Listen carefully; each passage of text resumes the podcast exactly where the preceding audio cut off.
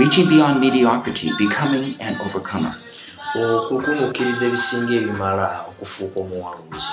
Gaining strength, lesson 3, okufuna amaanyi essomo eryokubiri by Reverend Paul Bucknell, nga likutuusibwako reverand paul babner translated from English to Luganda, nga bivuunuddwa okuva mu luzungu okudda mu luganda.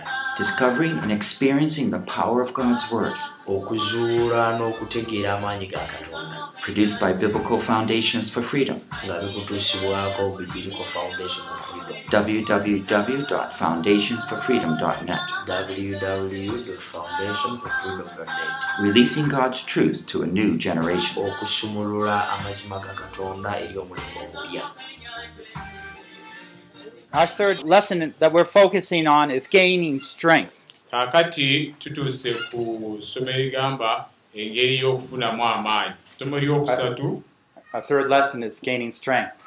kulira nti okufuna ah, essomo yaffe eryokusatu liyitibwa okufuna amaanyi So we know that our goal in level two is to be able to overcome. Ah, twalabye nti ku mutirira gwaffe ogwokubiri kyabadde nti okusobola okuwangula We've already discussed how we have overcome through Christ. Twamaze dde okunyonyola engeri gye tuko- gye tuwangulamu tuwangula mu kristo But the problem is sometimes how do we actually do it? And I want to get into that here. oluusi kibeera engeri gye tukiteeka mu nkola I've begun to give you some tools by which you can use God's word and grow. era netandika n'okubawa ebikozesebwa mu kigambo kya katonda We can find hope and promises. tusobola okulaba osuubi n'ebisuubizo But we also can find God's word to help us there in our own daily life. era tusobola n'okusanga ekigambo kya katonda nga kituyamba mu bulamu bwaffe obwa buli lunaku and these spiritual battles that we are in. era n'entalo ez'omwoyo ze tusisinkana Now let's just ask God for wisdom. kasobe mukama tuwa amagezi Oh, Father, we just pray that you would teach us and help us. We want to gain strength. Twagala okufuna amaanyi We want to put our reliance on you. twagala tube nga twesigamye ku ggwe Help us, O Lord. yambe ayi mukama In Christ we pray. kristo tusabye Amen. amiina Okay, so we, when we go back to that chart we just looked at in lesson two, kakati wanga tuddeyo mu ssomo eryokubiri what we're saying here as believers is that God's way is always far greater than any other way. kakwe kugamba nti engeri ya katonda n'enkola ya katonda esinga enkola endala zonna zetuyinza okulowoozaako If your marriage is great, gaba nga g'amaanyi it's because you're following God's ways. owange amakaago g'amaanyi kubanga ogoberera engeri za mukama If you have problems in your marriage, though, wabanga waliwo ebizibu mu makaago obufumbo bwo it shows that you don't believe some things. kakitegeeza nti waliwo by'otakkiriza If you don't have self control, kubanga tosobola kwefuga you don't have that discipline and trust in God to be able to make those right decisions. Kitegeeza nti tolina mpisa na kukkiriza okwo okukama nti asobola okuyamba okusala okusalawo okutuufu And the evil one can control you with your own desires. era obubi ne bukufuga n'okuyaayaanakwo I just want to use this hour to really refresh ourselves in the study of God's Word. Era njagala tukozese kino okusobola okwezza obujja mu kusoma ekigambo kya katonda Do you remember Gideon from the Old Testament? mujjukira omusajja oyo gidiyoni okuva mu ndagaano enkadde Where did we find him? tumusanga wa Do you remember where we first found Gideon? Even though he had a big, important family in the village, the scripture brings us down into a hole in the ground. era embeera yamuleeta n'amukkakkanya wansi And he's doing something you'd never do in that hole. era ng'akola ebyo oba olio byali byetakola ng'alika He's threshing the wheat. era nga munanga aweewaŋŋaano bagikasuka empewo bwefuwamu ebisaaniiko Now, why don't you do that in a big hole in the ground? Hmm? Why don't you do that in a big hole in the ground? owange tosobola kukola ekyo naye ng'oli mu kituli ekinene ekyosibye mu ttaka You want to do it out in the open so the wind can blow away the chaff. oyagala olw'eŋŋaano ng'oli wakati mu bbanga empewo zisobola okuyambako okutwala ebisaaniiko But why was he in a hole threshing? naye ate ali mu kituli ate mu kituli bwowewera eŋŋaano wegamba nti si byangu He was afraid. He was what? Was fearing some people. Yes, he was fearing. That's right. I think it was the Philistines. But someone nearby, if they would see you with all that food, they would come and take it. era nga singa wabeerawo omuntu amala n'akulaba ng'olina emmere yonna ng'ajja n'agitwala It's interesting in Hebrews 11:32. naye ate ekinyuma nnyo bw'osoma mu bebulaniya kumi n'emu Hebrews 11:32. This is what it says. In the Hall of Fame, the great chapter where it lists the men of God. What more shall I say? For time will fail me if I tell of Gideon, Barak, Samson, Jephthah, of David and Samuel and the prophets. nti era ki kye nnaayogera kubanga ebiseera bijja kunzigwako ebya gidiyoni ebya baraka samusooni yefusa ne dawudi ne samwiri ne bannabbi So how how did Gideon get his name in here? kaakati gidiyoni oyo yali atiitiira ayingiza atya erinnya ly ate mu kisenge What made him a man of faith? ayingira ddi okubeera omusajja ow'okukkiriza He's put right next to David and Samson, bw'obuno bamutadde kumpi ne ba dawudi ne ba samusooni even the great prophet Samuel. era n'ennabbi eyali ow'amaanyi samwiri Something happened, didn't it? waliwo ekyatuuka ku musajja ono gidiyoni You know, so when we're reading the scriptures, we need to have that hope that somehow God's going to be teaching us.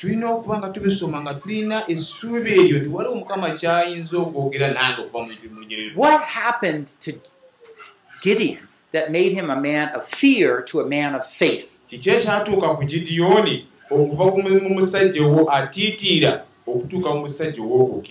Judges 6:16.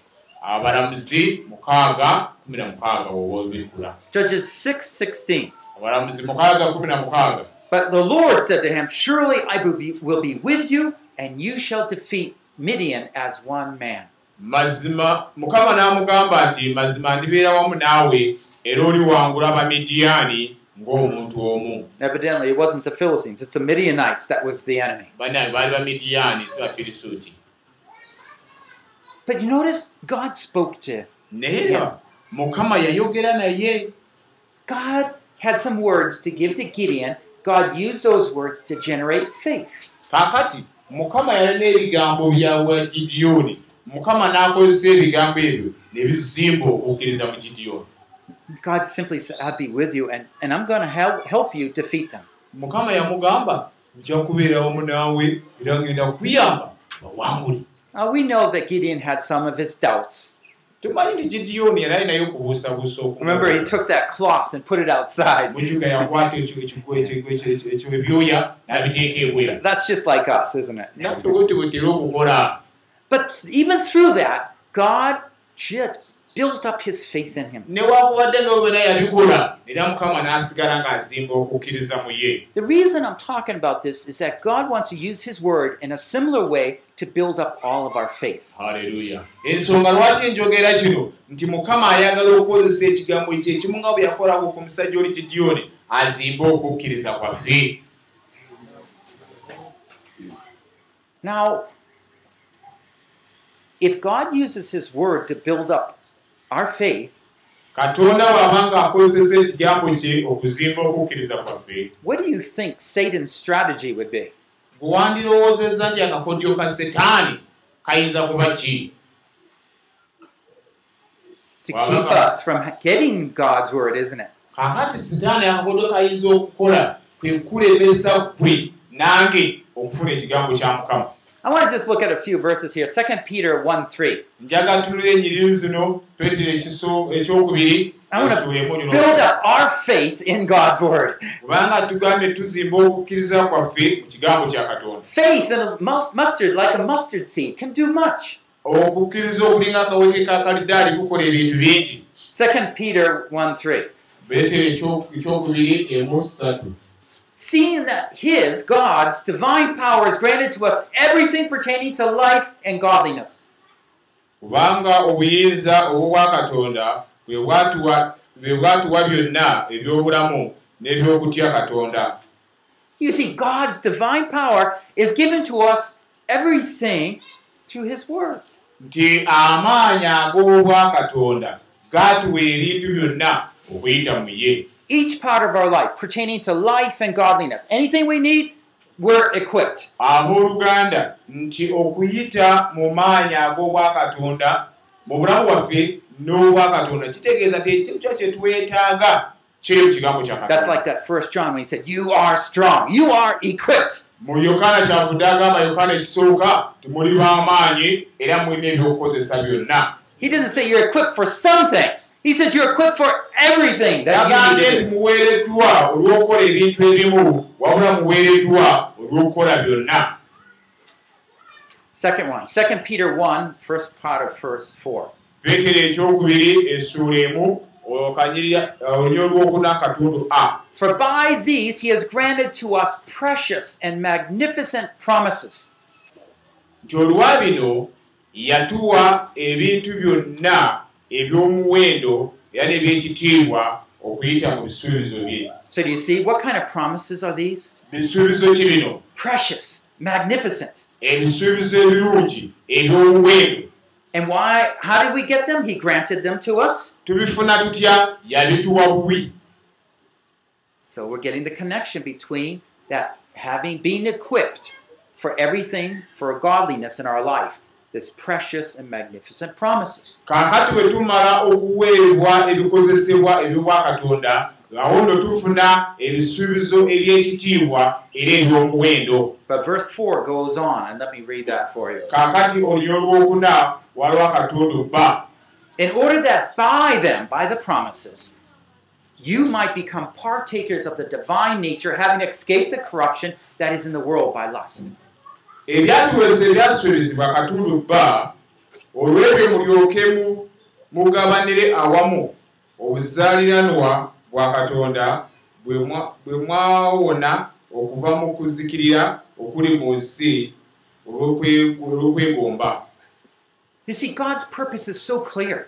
ebiruubirirwa bya katonda He wants to us bitangaavu to share His divine nature. ayagala ffe tugabane awamu naye obutonde bwe obwobwa katonda. Now, I know we believe we have the Holy Spirit, era tukkiriza tulina omwoyo omutukuvu. And Peter believed we have the Holy Spirit. era ne peetero yali akkiriza tulina omwoyo omutukuvu. But for us to really be shaped and display the Holy Spirit, naye ffe okusobola okubeera nga twolesa ekyo nti omwoyo omutukuvu ali mu needs to ffe take the promises from God's Word into our lives. nti akwata ebisuubizo bya katonda n'abiteeka mu bulamu bwaffe Do you understand that? Do you believe it? mukiikiriza ekyo And so, what I find is so significant that when I come up to different individuals that are in the world or believers, it doesn't matter, owange ekyewuunyisa nti bw'osanga mutuse kinnoomu oba mulokole oba si mulokole sinsi ensonga I can tell them of a better way. nsobola okubagamba engeri eno esinga obulungi Not just how the when I'm spreading the gospel, not just how to get into the kingdom, but to be able to share in God's nature and what He wants to sh- reshape their marriage. He wants to reshape their lives.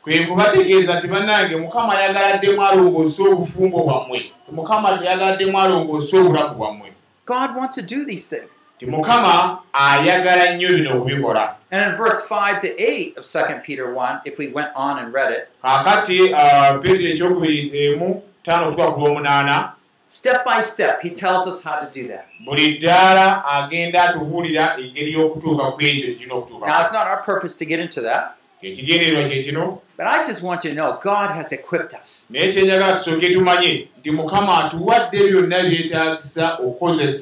Now, if I'm sitting down with someone and trying to talk to them about growing spiritually, but they're having a problem, naye kasenga ntula n'omuntu nenandika okwogera naye ku byokukula mu mwoyo naye nga munda alina ekizibu it's important, first of all, to find whether they're part of God's kingdom, whether God's Spirit is in it. owange kwe kikulu nnyo okusooka okuzuula omuntu oli ali mu bwakabaka bwa katonda era mu mwoyo atuuseewa Just don't assume it.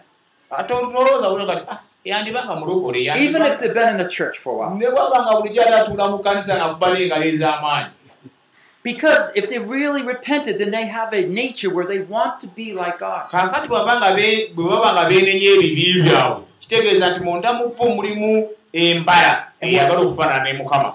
We're looking at their desire is not just to get out of trouble, tutandika okutunulira okuyaayaana kwabwe si kubajja bujja mu buzibu bwe balimu but they want to overcome sin and be righteous. naye twagala tulabe ddala omuntu ono ayagala okuwangula ekibi atambule mu butuukirivu If we don't find that desire to be righteous, then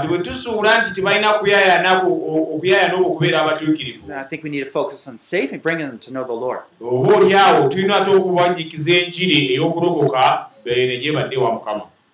So, how does God use His word to help us grow? Okutuyamba okutuyamba And I, akozesa atya obulumi okutuyamba okukula I don't know if there's a picture here. I don't know if he's ever seen this before. A Oh. three, it's, it's a three-legged race. It's called. owange wano waliwo ekifaananyi ku kompyuta egamba abantu babasibye abo amagulu bali basatu naye ba- bagenda kudduka misinde nambiro naye ngaomu bamusibye okuluma ne bamusibako Maybe we should do this tomorrow. ekyo osanga tujja kufunayo wano ka projecta This is the way we do it. nga tukikola bwe tuti We're going to have a race, so we have two people, two people, two people. But we take a rope and tie it around our two legs. So when we walk, we have to Hey! together. Bizibu nnyo Some people do really well. Abantu abamu bakikola bulungi Some people don't. abantu abalala ne bibalema ne bigaana You see, you have to work together. Now, when God wants us to grow, what He's doing, bringing His Word, His Spirit into our lives together.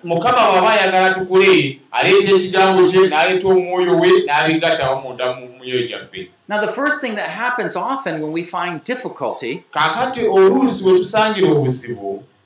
you know, all of a sudden we feel threatened. What's wrong? nga But instead, we should say, Lord, what are you doing?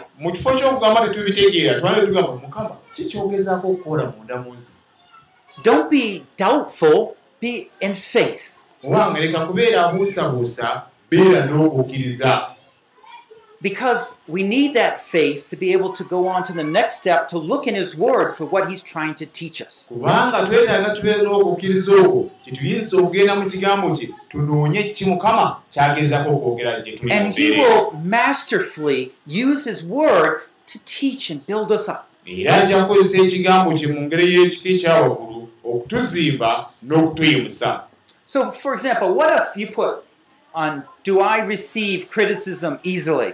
Kaakati singa wali wa- mukwe- mukwe- wali weegezeseza singa twataddewo nti okkiriza okukolokotebwa kuba kolokota owulira oti okikkiriza no, I don't receive criticism well.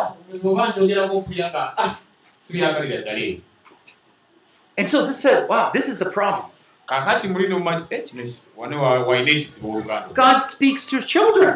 Kati mukama n'ayogera n'omwana omu God speaks through wives. mukama ayogera n'abakyala But I'm not listening.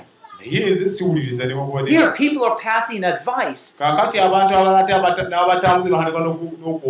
and I'm putting it off. yasoze okwogera na mwana namukyala nani bo ne baŋŋambye ekintu kyekimu nenga era sijja kubikkiriza Well, that's not going to make me very wise. No, I'll never be able to learn from God if I can't accept advice from others.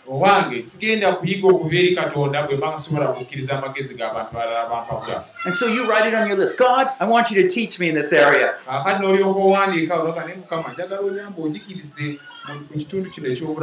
And you're going to start looking and asking God, when I read your word, Lord, I want you to teach me about this spirit that's in me that I can't accept criticism.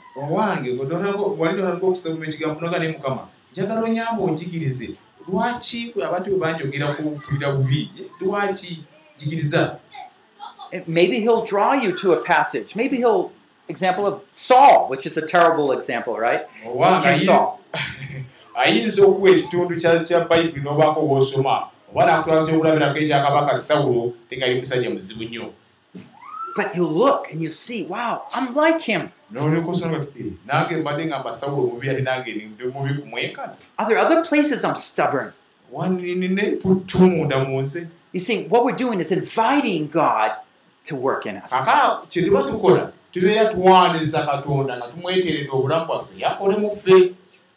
We want our leg tied together, God and us. Most of us will take a knife and cut it so I can run this way. abamu kye tukola kwata akasongo ebisala mukama kanasigala awo nze kanzirukire nkukwate eryange So it takes patience on our part, our seeking Him, a belief that He can teach us. But more than that, we must believe that His way is better than what we have naye now. byonna nga tubi- tubiyitamu era nga twagala mukama atuyigirize tulina okuba n'okukkiriza nti engeri ya katonda gy'abikolamu yesinga obulungi Now, one of the questions we need to face is how come God's Word sometimes doesn't seem to help me? awange ekimu kye tulina okwebuuza lwaki ebiseera emu ekigambo kya katonda kirabika ng'ekitanyambye Or again, why doesn't God's Word speak to me? It, doesn't really help me. oluusi n'obisoma naye nga byosomye birabika ng'ebitayogera gy'oli Now, I'm teaching you to help yourself, but also so you can help others. Learn on both sides. kaakati nkusomesa ng'anyamba ggwe kyokka ate njagala okugenda oyambe n'abalala So Romans 10:17 helps us to understand the process. kaakati abaluumi essula ekkumi onyo n'ekkumi n'omusanvu lutuyamba okutegeera emitendera gino gyonna gye tuyitamu So it all begins with the word of Christ. The verse says Romans 10:17. So faith comes from hearing, hearing by the word of Christ. kumi na musanvu lugambye nti okukkiriza kujja oluvannyuma lw'okuwulira n'okulira ekigambo kya kristo Where does faith come from? okukkiriza kuvaawa We have to hear. tulina okuwulira What do we have to hear? tuwulira ki The word of Christ. kigambo kya kristo You see? That's the way it works. When we look carefully at Jesus' life, kati bw'otunulira enkaliriza obulamu bwa you yesu will see that God's word, he could just memorize it, he could just state it, nti olaba nti yakisoma nakye ndaba nga asobola okukifumiitirizaako n'okukyogera nga takitunuddeeko kiri mu bwongo. If Jesus was so serious in studying, memorizing, using God's word, bw'abanga yesu yassaayo omwoyo n'asoma ne yeetegereza n'akitereka ekigambo kya katonda munda mu ye doesn't it make sense that we are? owange tekibeera kyamakulu nnyo te naffe kitugwanira okukola bwe tutyo I don't know if you've been to Bible college or seminary. To me, that's not too important. What is important, though? That every day I'm in God's word. And I want to be like Jesus.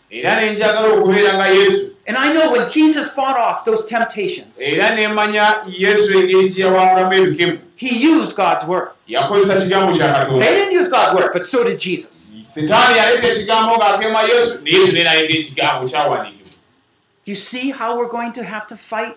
abooluganda mulaba engeri tuyinza okulwanamu It doesn't even know, you don't even need to know how you need to use God's word necessarily. You won't. At, at this point, just read and learn. You don't know, need to know how God will use His word to help you. kwata bayibuli soma ekigambo yingiza ekigambo tomanyi ddi oyinza okukyetaaga okukikozesa mu mbeerayo Now, if doubt is the problem that we would face, kaakati bwe kiba nga okubuusabuusa kyekizibu kye tusisinkanye so He's going to bring the word of God into our lives. agenda mukama kweta ekigambo kye mu bulamu bwaffe It would produce faith. ekinaaleeta okukkiriza Without the seed of life, there is no faith. ajja kuleeta But what Satan needs to do is bring doubt in so we do not trust it. Kati ye mukama bw'aleeta ensigo y'ekigambo ky'okukkiriza setaani n'aleeta okubuusabuusa n'akuteeka wakati ole- oleme okutuuka ku kigere ky'okukkiriza So I'll I'll use again the example of anger. kaakati kankuze ekyokulabako ekyobusungu Why do you get anger angry two times? lwaki onyiiga emirundi ebiri The first time you know it's terrible, you hurt somebody, Eh, omulundi ogusooka omanyira ddala nti kibi nnyo era bw'onoonyiiga ojja kukosa omuntu and you acted like a fool. Ate no- n'oyisa ng'omusiru You did not accomplish the righteousness of God. n'otatuukiriza butuukirivu bwa katonda So why do you do it again? ate wa- bw'oba nga twatu- ate lwaki oddamu n'okikola? Because you believe being angry gets done what you want done. kubanga olowooza nti bw'onoonyiiga ojja kukola ekyo ky'oyagala okukola okimalirize And you got to destroy that confidence that your way is better than God's way. kaakati ogenda kuzikiriza obuvumu obwo oba obugumu ng'ogamba nti nze engeri yange gye nkyagalamu yesinga engeri ya katonda gy'akiralamu era gy'akyagalamu The same like with bitterness. Bitterness means I believe my spirit of revenge is better than forgiveness, which God promises. kiringa okubeera omukaawu okubeera omukaawu kitegeeza nze mu ngeri yange gye nsobola okuwoleramu eggwanga yegy'okubeera ennungi okusinga katonda ye bwe yandibadde okusonyiwa n'okwagala All that misplaced confidence, all those things listed, kati ebintu ebyo byonna bye twawandiise wansi obugumu obukyamizibwa hatred. okukyawa If you're ha- hating someone, you believe that's better than God's way of love. kaakati waba okyawa omuntu kitegeeza nti olowooza nti okukyawa kyo kirungi okusinga engeri ya katonda ey'okwagala You can see it by looking at yourself. kenyini osobola okwekubamu ettooki liweeraba I don't care about them. I want them hurt. Mhm, sifaayo oba banaawulira batya naye kasita mbabonereza ne balumwa nabo ne bakinyonyoka But the, the key is this old nature that drives that force Ka- is dead in Christ. kaakati ensonga eri nti omuntu oli owedde oli oli oli bwe twali tulina okumuttira mu kristo n'afiira eyo We don't have to give into it. ate tulina kwewaayo eri omuntu owedda Now, Satan uses many means for us to not trust his word. kaakati se- setaani akozesa ebintu bingi okutulemesa okwesiga ekigambo kya God's word is so reliable. Reliable, God's word. ekigambo kya katonda kyosobola okukyesigamako But Satan would come by and say, It's not true. Don't trust it. Setaani ajja kujaga "Ah, si- si- si kyama- si kyamazima tokyesiga naawe If you have any difficulty that way, come, I'll talk to you about it. Another lie of Satan. Obulimba obulala obwa setaani Again, he's trying to bring doubt so we don't use God's word. agezaako okuleeta okubuusabuusa n'okisoma era osigala okibuusabuusa God's word has nothing to do with your life. owange ekigambo kya katonda newankubadde nga bayibuli mwe kiri naye ate kigenda kukolera mu bulamu bwo No, it does. That's what we just read in 2 Peter. ekyokubiri Oh, we might doubt God's power, the oba Bible's power. Agali mu kigambo kya katonda Oh, you've tried before, Satan says. Can you just see the doubt come into your mind? I tried before. That means, well, it won't work this time. I doubt.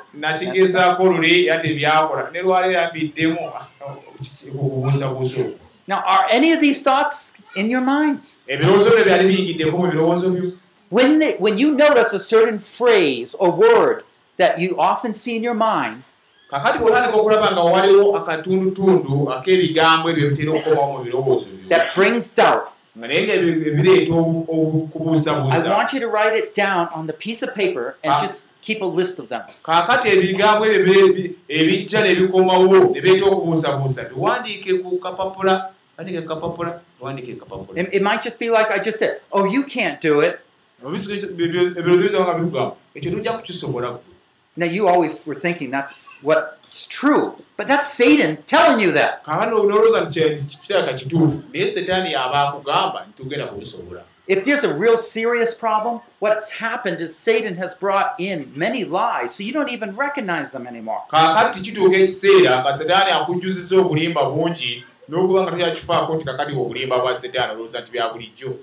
Here's some more faith destroyers. kaakati bibino ebizikiriza okukkiriza I don't need God's word. E- kya See the difference between what we read this morning in Proverbs? I do need God's word. Or Psalm 1, I do need God's word. Bible seems dry.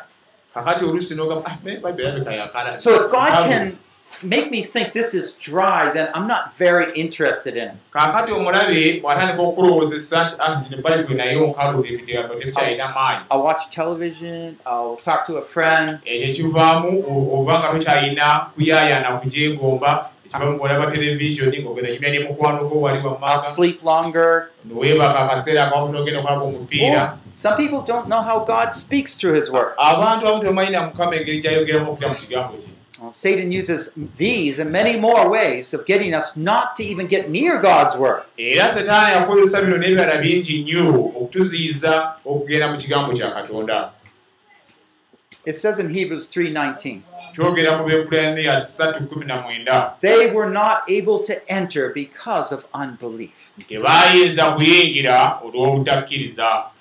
We need to be aware where there's unbelief and get rid of it. Era tulina okwegendereza twekubemu akatooki tulabe obutakkiriza bwe buli tubute tugube So you see, what's really happening here is we have the truth.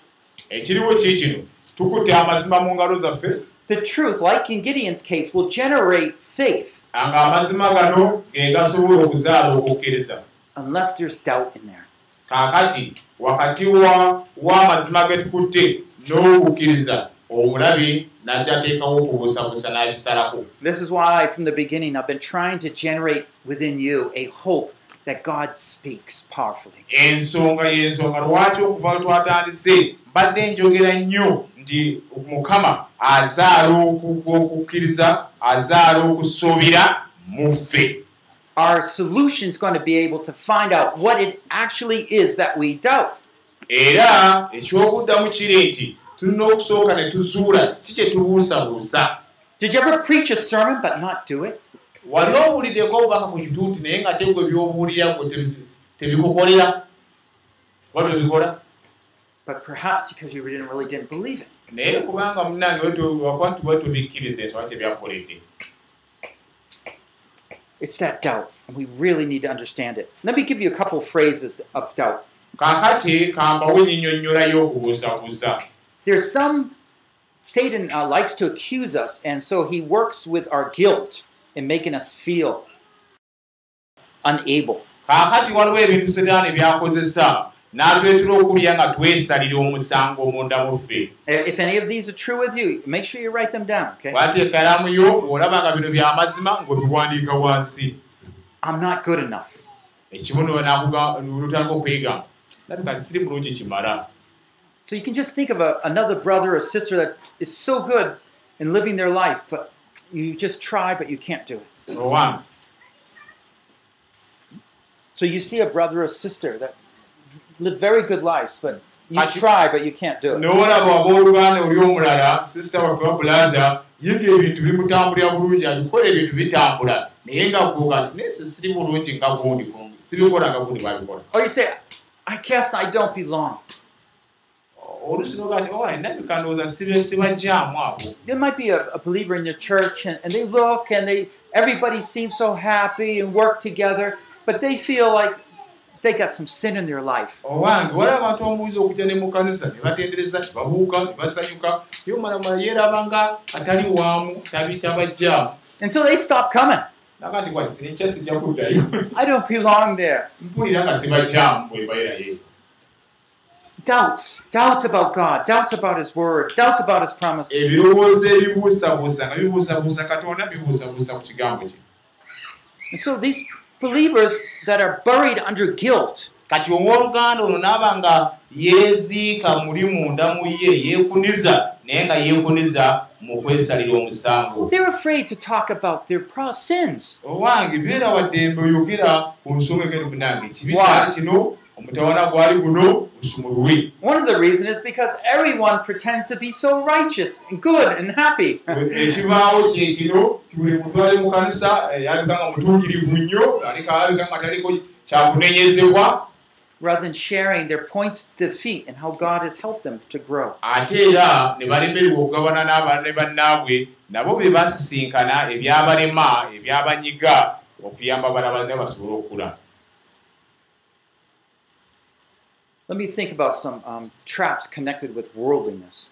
kaakati kanjogere ku traps ku mi- ku- ku mitego egimu doubts. egyo nga gye- gye- gye- gye- gyekwataganya n'ensi I mean, someone might think, I'm just too busy to get into God's Word. "Ah,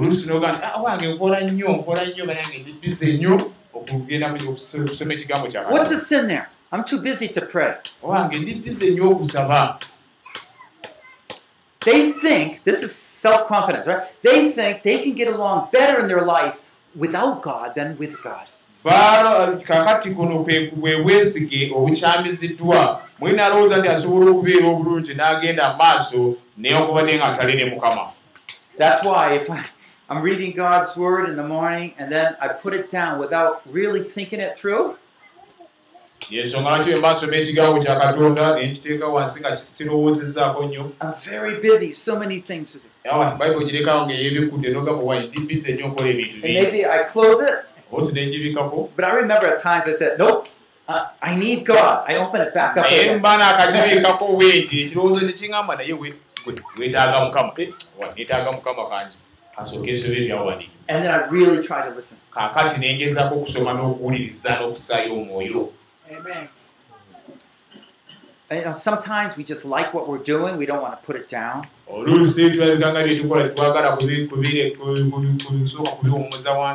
it doesn't really matter. oba netugamba "Ah, si nsonga To be powerful preachers, we need to believe the preaching of God's word is so important. twetaaga okukikkiriza nti okuwulira ekigambo kya mukama waffe kikulu nnyo If any way we doubt the veracity, the truth, the power of God's word, and the effect upon God's people, then it's going to crush our preaching. kaakati bwe tuba nga tulinamu engeri yonna ey'okubuusabuusa ento ne tubuusabuusa amaanyi ge ne tubuusabuusa ekigambo kya katonda engeri gye tukoma ku bantu ba mukama awo nno okuwulira kwaffe kugenda kubeera nga kugwamu amaanyi nga kukurashinga nga kugwa wansi Again, not just in leading people to enter the kingdom, but so they can grow in the kingdom. asi kuyingiza buyingiza abantu batuule mu bwakabaka wabula ate okubayingiza te newobakuza mu bwakabaka And if people aren't growing, then there's a problem with the word going out. kakati abantu bwe baba tebakula kitegeeza nti waliwo ekizibu n'obubaka obujja gye bali It's not only personally, it's in our ministry. nga asinga muntu sekinoomu wabula ng'obuweereza bwonna We want God to work. twagala mukama abeere ng'akola So, how does God speak? abange katonda ayogera atya I remember um, when I was actually presenting, preparing this, nale nga nteekateeka obubaka buno I was going through the book of Ruth, n'asomya mu kitabo kya ruth and I was uh, there in the main room in our house. I was just sitting down in, in our in our in my home. ate ntuddeeko ewange I have lots of children, eight children, right? nina abaana munaana And I was just reading the book of Ruth, and just God was speaking to me, nade nga nsoma ekitabo kya ruth naye nga mukama ayogera nange and tears were coming down my eyes, and my children would come in. Here I am sitting down. With a Bible. I see tears coming down. I try to wipe them away, but God was moving my heart. He was reminding me how He reached out to me. Just like Ruth was so undeserving, I was so undeserving. bwe yali nga tasaanidde nange nali sisaanidde Somehow the Spirit of God was just making, I don't deserve any of this. ne mpulira ng'omwoyo wa mukama alina engeri gyakomye ku bulamu bwange nti nange nali sisaanidde kino So I begin to try to think it through. Yes, Lord, you've done that so many times, and I appreciate that. And I thank Him. I talk to Him. neetandika okumusiima ne mugaa weewaawo mukama weebale mukama emirundi mingi kino kyogedde nali sisaanidde Don't don't rush off those times that God's speaking to you. atogezaako kwanguyiririza kuva mu kisa ekyo owulira nga mukama atandise okwogera naawe Don't on, don't only be impressed and like the tears coming down. Think through the message. Why are those tears coming down?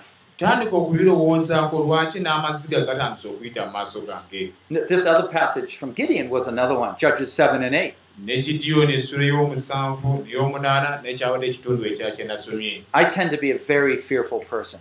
Nze nno natiranga nnyo okubeera omuntu atya ennyo nnyini When I was growing up, my, my family, not believers, they had lots of problems. Awo bwe nali nga nkula abantu baffe amaka gaffe mwe nali tebaali bakkiriza ebizibu byali bingi So I was very insecure. I still am, somewhat. era nali nga ntya nnyo nga ntiirira nnyo nga mpulira nga sirina bukuumi ne kaakano oluusi kiwulira I could see myself like Gideon in the hole. era nga neeraba nga ndi nga gidiyoni ng'ali mu kinnya The enemy's out there, I'll stay in here. The enemy is out there, I'll stay here. owange nga ngamba omulabe gyali ebwereere nze nga nsigale mu kituli kyange wano But God, through many different circumstances, called me into ministry. naye mu ngeri nnyingi nnyo zisobola kunnyonnyola mukama n'ampita n'ateeka mu I was buweereza talking to a brother yesterday about when I was in college studying engineering. bwe nali mu kolegi nga nsoma bwa engineering I liked it a lot, nasoma bingi nnyo but God called me. naye mukama nagamba yovaayo jangweri And I said, Me? negamba nze I can't speak a sentence without stuttering. asisobola kwogera mboozi n'engimalayo nga sinaba kunaanaagira I was more nervous than anyone else. bannange nze nego nalinga ntya okusinga bonna Anybody could speak better than me. nga ndi abantu abatwala boogera bulungi okunkira Why would he want me to go preaching the gospel? mukama lwaki ate nze gwolonze ngende njogera enjiriyo So, one of the steps of faith I had to take when he called me in university. Kaakati ekye- eddaala erisooka ery'okukkiriza nalina okutwala mukama bwe yanta nga ndi ku univesity it's like eating something that you don't like eating. kwekiringa okulya ekintu naye nga ee tokyagala kukirya. I don't think I've, I've found any food I don't like yet. Okay, in Uganda. but some places oh, Yeah, very hard for me. But God wanted me to take a speech class.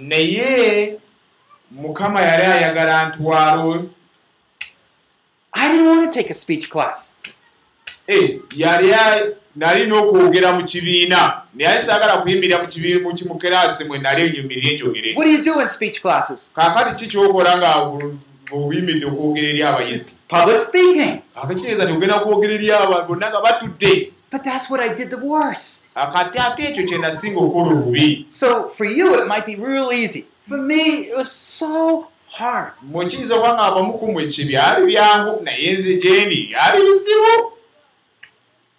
But I did. Instead of that math class I liked, I took a speech class. Instead of math, oh, I liked math, I took a speech class. kaakati nze njagala nnyo okubala mu kifo kyo ky'ekibiina eky'okubala ate natwala ekibiina ekyokwogera So you see, faith works differently, isn't it? God was working, speaking to me from the book of Philippians to call me into ministry. kaakati mukama ayogera mu ngeri ez'enjawulo era ayogeramu nange okuva mu kyabo ky'abafiripi okumpita mu buweereza And I know I needed to express my response to him kati nali kimanyi munda mu nze ti nina okwanukula nga nzikiriza So I did the thing that I hated the most. kaakati ne ndyoka nkola ekyo kye nali saagalira ddala But it was faith overcoming fear. naye okwali okukkiriza okwali kuwangula okutya Still, most people are better speakers than I am. But I just try to be obedient. Let me give you another example. kambo ekyokulabako ekirala 2 Peter 3:18. peetero ekyokubiri 318 Grow in the grace and knowledge of the Lord Jesus. When I looked at this verse the first time,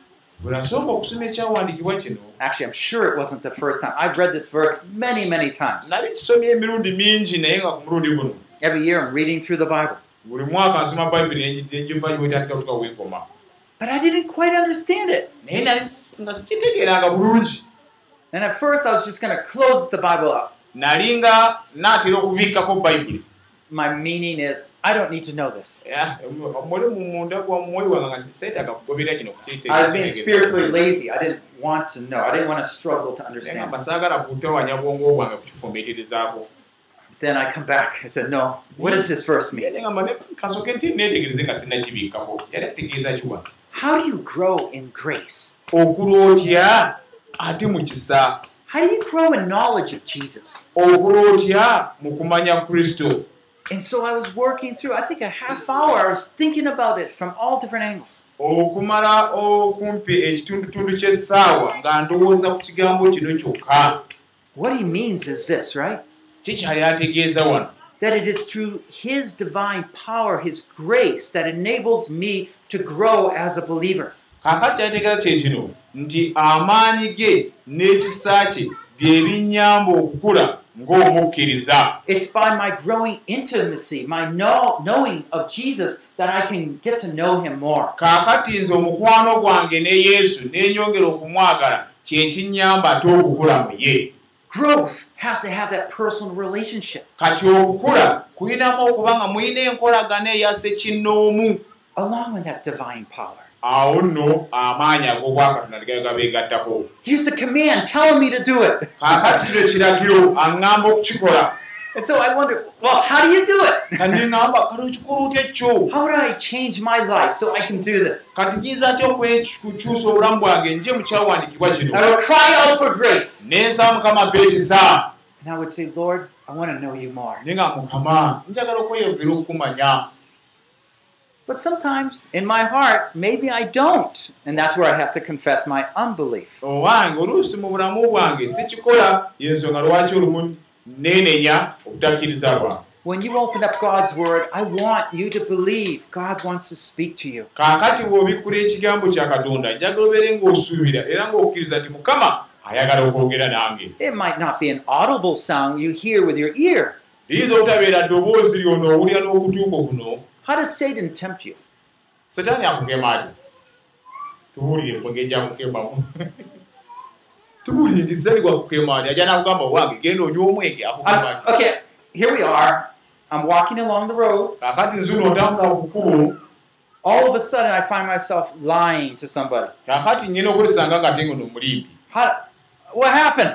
kyekibaawo okutuuka okulimba You see, Satan's working there. And how he does it is speak quiet words in our mind. kati setaani abeerawo ng'akola n'engeri gyaku- gyakukemamu ekijanga kirowoozo nekyogera mpola mpola munda mu ggwe You don't want him to know toyagala onaamanye that's Satan, right? He puts it in your mind. You don't want him to know. alina okumanya biki byonna And so, what are you going to do? kati kyogenda okukola Oh, yeah, but just tell him about this. You see, Satan is giving you all these lines on how to deceive someone. setaani n'akuwa obunyiriri buno n'enkola engeri y'okulimba mu oli omulala This isn't you thinking directly, it's Satan putting thoughts in and you responding to those thoughts. si gwe alowooza wabula setaani yakusulamu obwo ebirowoozo ebirowoozo gwe n'olyoka obikolerako The Spirit of God works in another way, but to build you up. era n'omwoyo wa mukama akola mu ngeri endala nga bwakuzimba He puts these words in from God's Word aleeta ekigambo kya katonda n'akikuteekamu to increase our faith, alyoka ayongeza okukkiriza kwaffe grow in the grace and knowledge. He'll ask me, Do you want to grow? okukula mu kisa ekyokumanya mukama ah, mukibuzo kiri nti oyagala okukula And He's waiting for me to reply. era ye anindiridde okuddamu He's often revealing, Well, I'm okay where I am. Is that okay?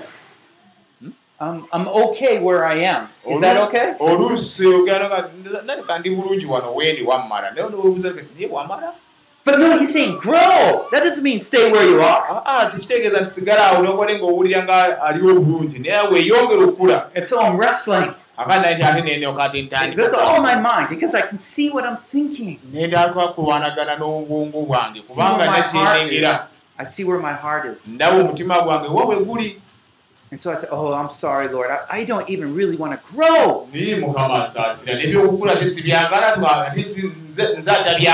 I'm so prideful. I don't want to be arrogant. Please forgive me. Give me a heart where I want to learn. mpa omutima nga njagala ate okuyiga n'ebyala bingi You see? We have to interrupt the way of the evil one and Ah. welcome the Spirit. Kati tulina okusazaamu n'okutaataaganya empuliziganya y'omubi ate ne tuyoka twaniriza omwoyo wa mukama Now I'm going to summarize things for us and use the rest of our time with an assignment.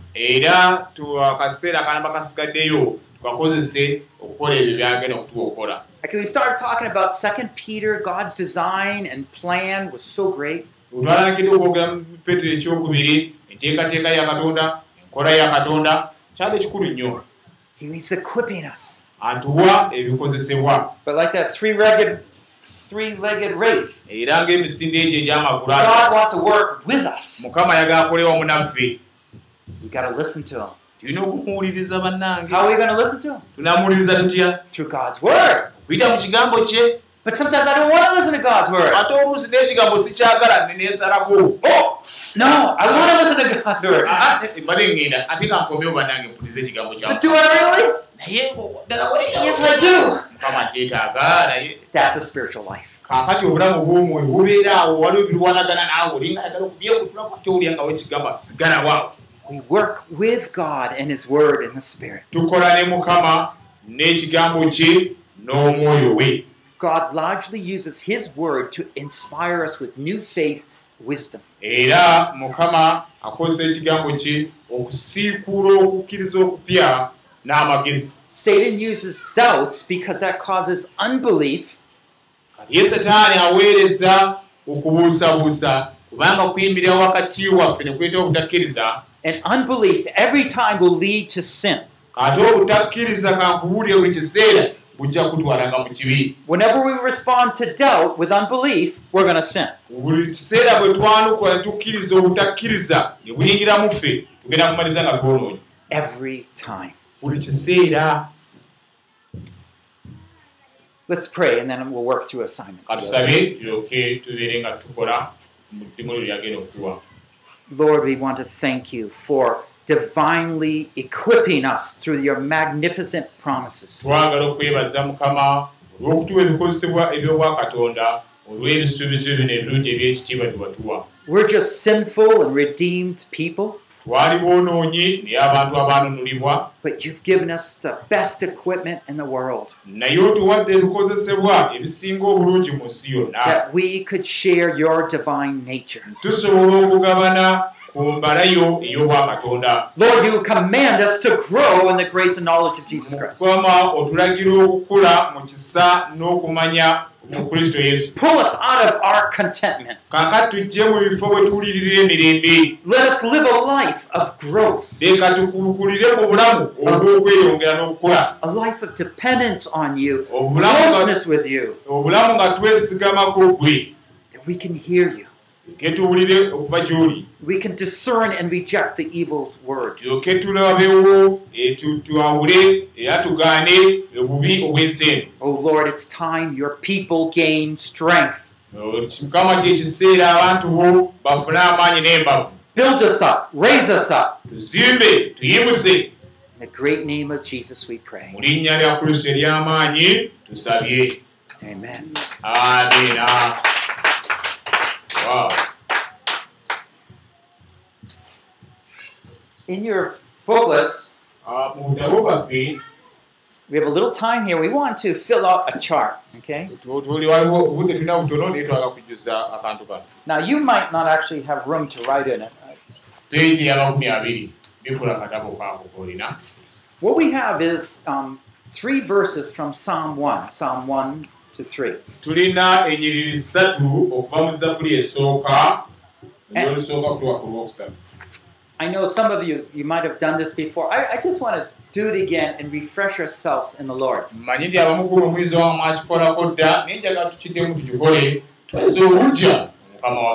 And if you've done this and you've grown, maybe you can do it with other people that you know.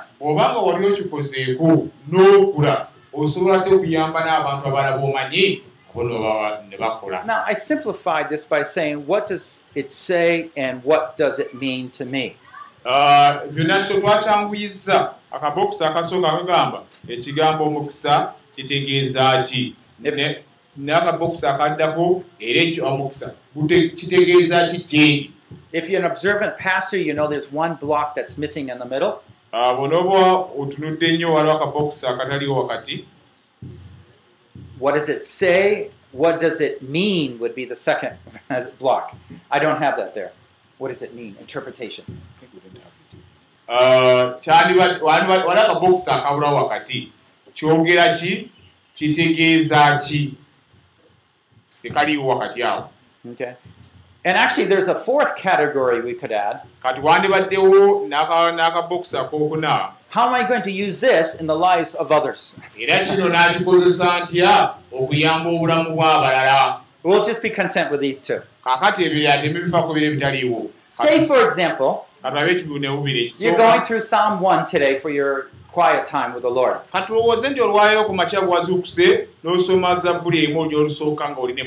Now, how do you start? You just open the Bible? bikola bikuzi bayitibwa oti No. nedda b'emikwano No. nedda You pray. osooka n'osaba You see, you need God to teach you. The first thing you say, God, open my heart so I can learn. I need your word. I need you to speak to me.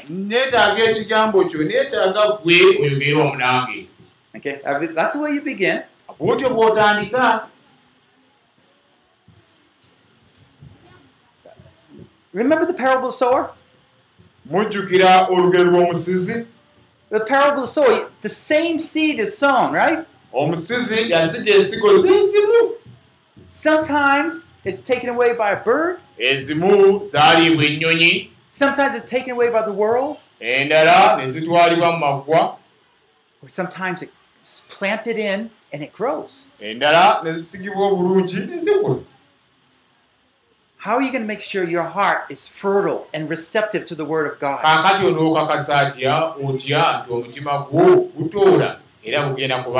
You want to break it from our sinful hold. Okay, so let back to Psalm 1 1. zabbuli emu eyo gyolusooka You might have your charts open here. Likulawo olabe Um, let me read in English and then you can read it together. Um, Got it. verse 1. Mm. How blessed is a man who does not walk in the counsel of the wicked, nor stand in the path of sinners, nor sit in the seat of scoffers. mu katabo kaffe aweeddwa omukisa omuntu atambula mu kuteesa kw'ababi atayimira mu kkubo ly'aba- ly'ababi atatuula mu ntebe y'abanyooma Were they supposed to read with you? Eh, Everybody together. ok tulisome ffenna mu luganda emu bbiri tugende maaso. Aweereddwa omukisa omuntu atatambulira mu kuteesa kw'ababi atayimira mu kkubo ly'ababi atatuula ku ntebe y'abanyooma. Okay, so as I'm reading this, all of a sudden maybe I just get to the second word, and that word blessed comes out to me. oba oliawo nga nsoma kino ekigambo kino nti aweereddwa omukisa kiyinza okubeera nga kinkomyeko What is blessing? I'm starting to ask myself. I'm, what's blessing? It means some good stuff that God wants to bring. That's interesting. Do I like good things? ebirungi Yeah, I like good things. Well, do I think I, do I want God's blessing in my life? Now I can say I want it, sobola okwogera nti nkwagala but do I really know it?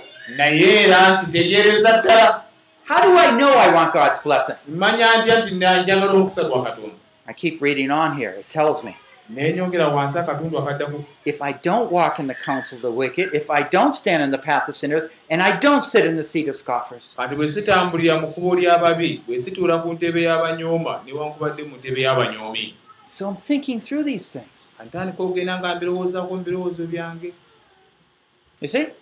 This, this is the type of what does it say? What does it mean to me? kakati eno y'engeri kigamba ki kitegeeza ki gye ndi Who, who are the wicked people around passing counsel around? abantu ababi abatambula abo abalina abo bubinja bwabwe be baani Who are the people along the path that trying to get me to go that way? baani abo bagezaako okuyimirira mu kkubo lyange okunziiza okunziza ebbali Who's those people that are trying to have me scoff against God or His Word? saaba baani abagezaako okusikirira ekigambo kya katonda You believe that? mukikkiriza ekyo Yeah, I do. And I and I respond and I talk to the Lord. Now, if I just stop there and say that's all I read that day,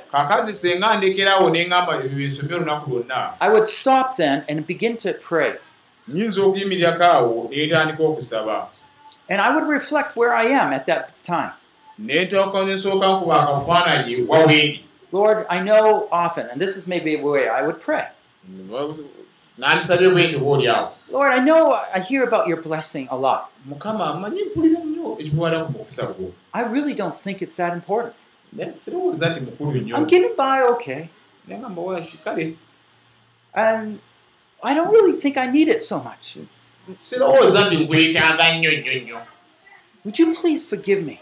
mukama wandinsonyi mukwano Because I want your genuine blessing from you. kubanga nze neetaaga omukisa ogwo gwennyini okuva For gy'oli what you can give me ekyo ky'onooyinza okumpa is better than whatever things I might ever find. kikira ebirala byonna byenyinza okusanga. Help me, Lord, not to listen to wrong advice, nsaba mukama onyambe neme okufuna amagezi mufe ebikyamu I know there's a speaker there that's saying those things. I don't want to believe that. I want to trust your word.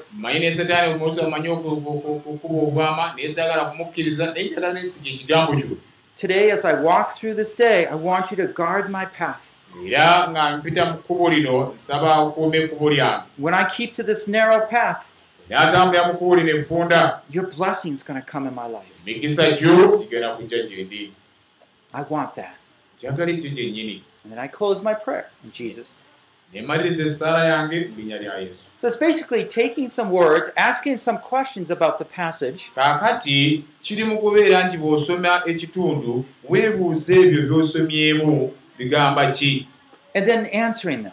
kanootandika ogenda ng'okunoonya ansa b'ebyokuddamu eri ebyo And then byoweebuzizza talking to the Lord about them, honestly. bw'omala okufuna ebyo ansa z'ebibuuzo ebyo noyogera eri mukama But you see, I really have to analyze whether I want His blessing. nsooka ne ntunula ne nze munda mu nze ne nennyonnyola omukisa kyeki Now, what I want you to do is work on verses 2 and 3. kaakati enjala bawadde ekyokulabirako ekisooka kati olunya olwokubiri olwokusatu genda gwe kennyini olukoleko eyo gy'onoobeera I gave you some questions, but you can use your own questions. mbabadde ebibuuzo naye oyinza wala okubuuzayo ebibuuzo ebyo gwe kennyini You know, what does the psalmist delight in? How do you know? Nti omu- omu- omuyimbi- wa zabbuli eno biki byali asinga okusanyukiramu I want you to era take omanye ki okwate epeeni n'olupapula obeeko owandiika ebyokuddamu byofunye So, can you do that for, say, 10, 15 minutes? If you want to go out on the bench, you can. oyinza okutambulatambulako notezwala wabuli n'akatebe mudakiika 15 n'owandiika ansa z'ofunye Um, or just stay here. That's fine. Are there any questions on the assignment?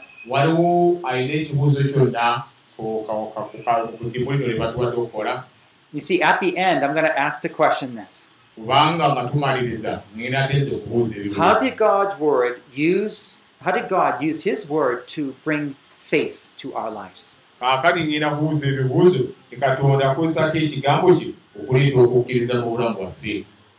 Okay?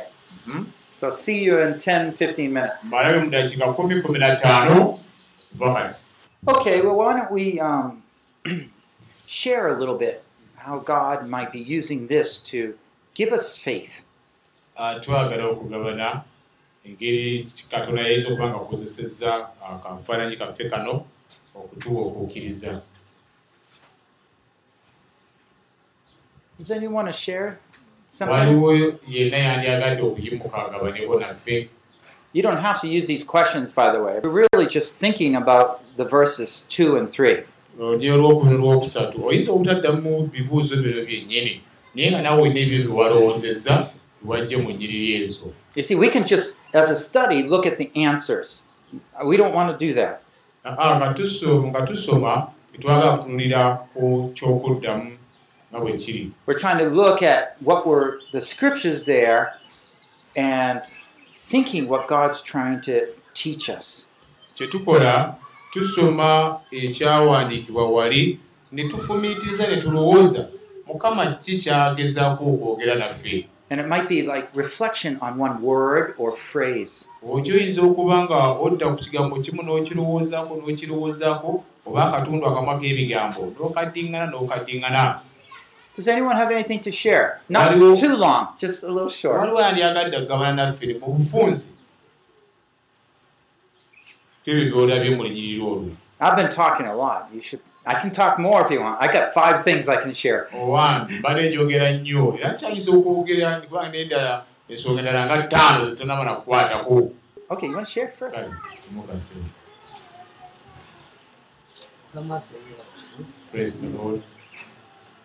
Nze ku lunyiriri luno olwokubiri kyentegeddemu What I understood from verse 2 kiri nti omuwandiisi wa zabbuli the psalmist. Ye- yenyumiriza yenyumiriza omanya otya what does the psalmist delight in and how do you know it? Hmm. okumanya okumanya kwe yali ategedde nti ekigambo kya katonda mwasobola okufunira omukisa ogw'obulamu uh, this is what I understand that he knew that through the word of God he can get a blessing for his life Okay. And n'ekirala nti bwe ye- bwe yeenyumiriza mu kigambo kya katonda that when he delights in the word of the Lord asobola okuwangula byonna ebyabimulema. he can overcome all that will have defeated him okay. n'ekirala nti asobola okuwa- oku- oku- okuwangula obulamu obw'omubiri okusobola okufuna obwomwoyo that he can overcome the life of the world in order to obtain the, uh, the life of the spirit. n'ekirala nti asobola oku- oku- okulemesa bire byandimutuuseeko okusobola Another thing that he can hinder those things that would have come and steal the word of God from him. ate en'okulwanyisa omulabe aleeta obu- obuta- obutamanya mu bulamu bwe. And fight the enemy that tries to bring around ignorance in his life. kati nenzira ku kibuuzo ekyokubiri kigamba nti weenyumiriza mu kigambo kya katonda Then he comes to verses 3. Okay. Well, why don't we? Thank you, but maybe see if someone else there is sharing. Okay. Really appreciate you sharing. Thank you, thank you. Yeah, you you can just see how he, he's relating the Word of God to his life.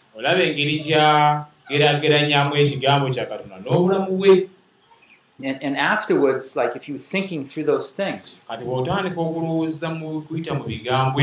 you- you- you're thinking, Lord, yes, you're going to empower me through your Word. Come, take your Word, empower me, that, that I could just ever delight in you, that I could be bear fruit in my life. nange nombale ebibala bulamu bwange And so, if you're careful during these times of study, you'll hear hints and suggestions and questions, maybe from the Lord, trying to help you ponder upon His Word.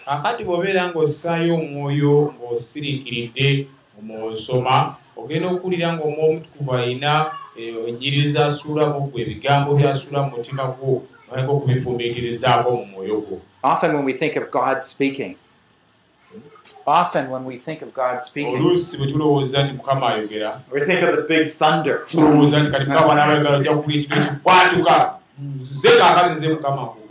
But actually, the Holy Spirit's speaking very softly. You have to listen.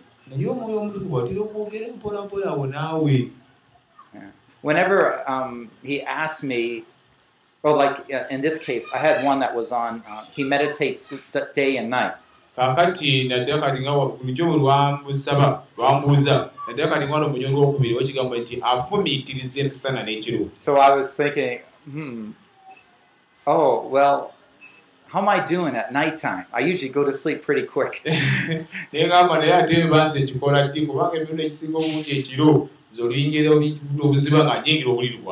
And he, and he was just encouraging me right, right here. You know, you got to do a little better here.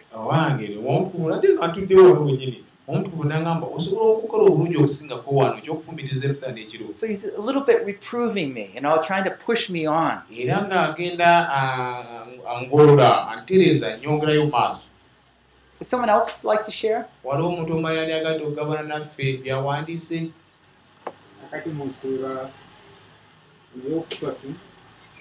Waliwo omuntu omala yali agadde okugabana naffe byawandiise akati mu nsuula eyokusatu wali ekigamba nti olunyiri lwokusatu kiki ekiraga nti omuntu ono yaweebwa omukisa what shows that this person is blessed? Endaddewo nti omuntu ekiraga nti yaweebwa omukisa abala ebibala n'ebibala bye ne bibeerawo what shows that he's blessed because he brings forth the fruit and the fruit abides?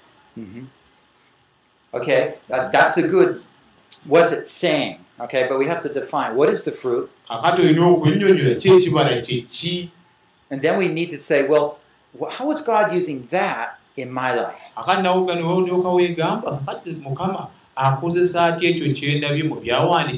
For example- He might come and say, well, what kind of fruit are you bearing?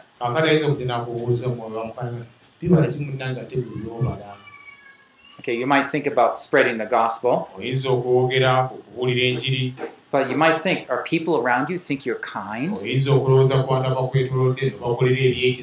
Or helpful? banoobayamba Anyways, the Holy Spirit uses all different ways to kind of bring that into application.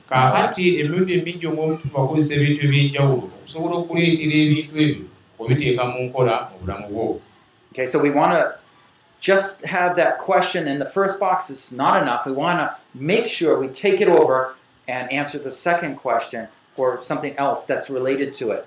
oba nga tulaba ekibuuzo ekiri mu kabokisi ak'obubiri tekimala tuyinza okugenda maaso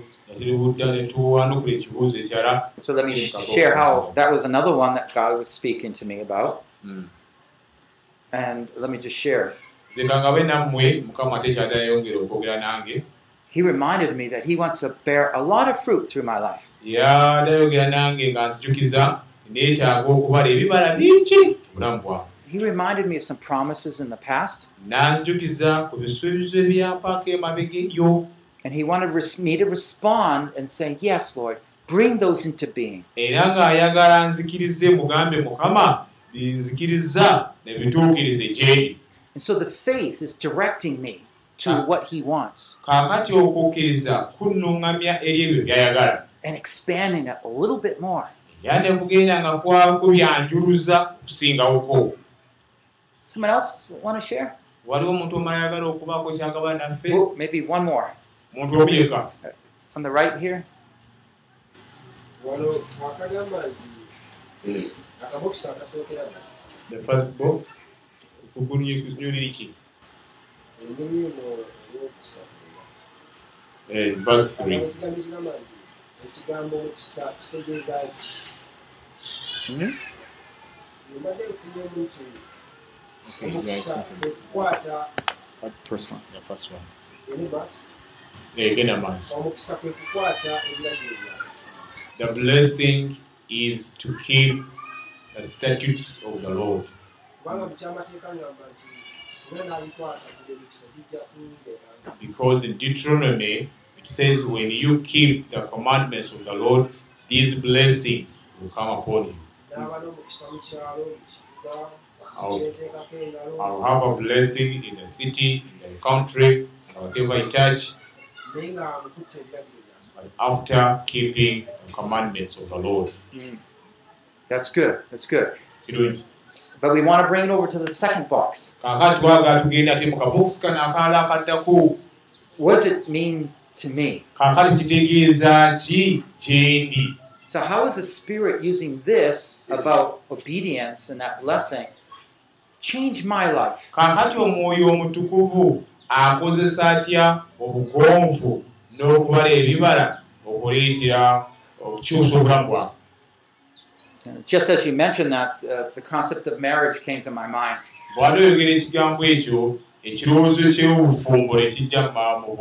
I know if I responded, I, I would just, oh Lord, we need to pray for marriage that it's kept as a standard in our society.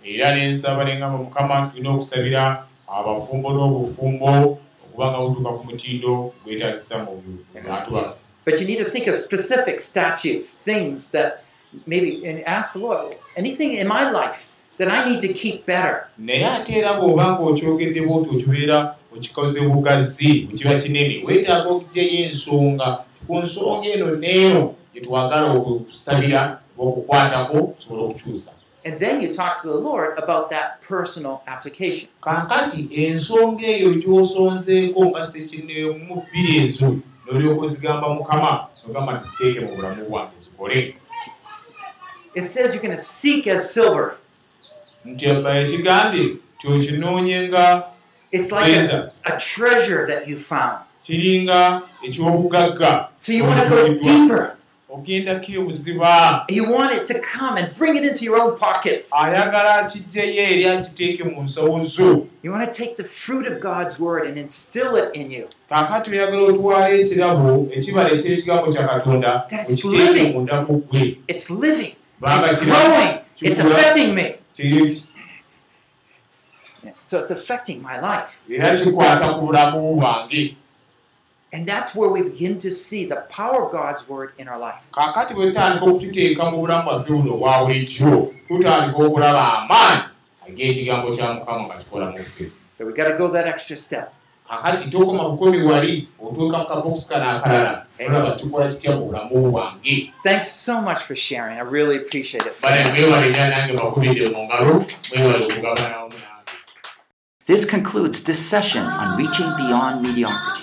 kino kimaliriza amasomo agakwatagana ku kunukkiriza ebisinga ebimala We hope that you might continue on listening, tulowooza nti ojja kweyongerayo n'essuubi lyaffe okusomera okuli be a strong, spirit filled believer, osobole okubeera omukristaayo ajjudde omwoyo ate anywedde gaining strength. Lesson 3 okufuna amaanyi essomo eryokubiri by Reverend Paul Bucknell, nga likutuusibwako reverand paul bap translated from English to Luganda. nga bivunuddwa okuva mu luzungu okudda mu luganda. Discovering and experiencing the power of God's Word, okuzuula n'okutegeera amaanyi ga katonda produced by Biblical Foundations for Freedom. nga bikutuusibwako bibilical foundation of freedom www.foundationsforfreedom.net, www foundation for freedom net releasing God's truth to a new generation. okusumulula amazima ga katonda eri omulembe omupya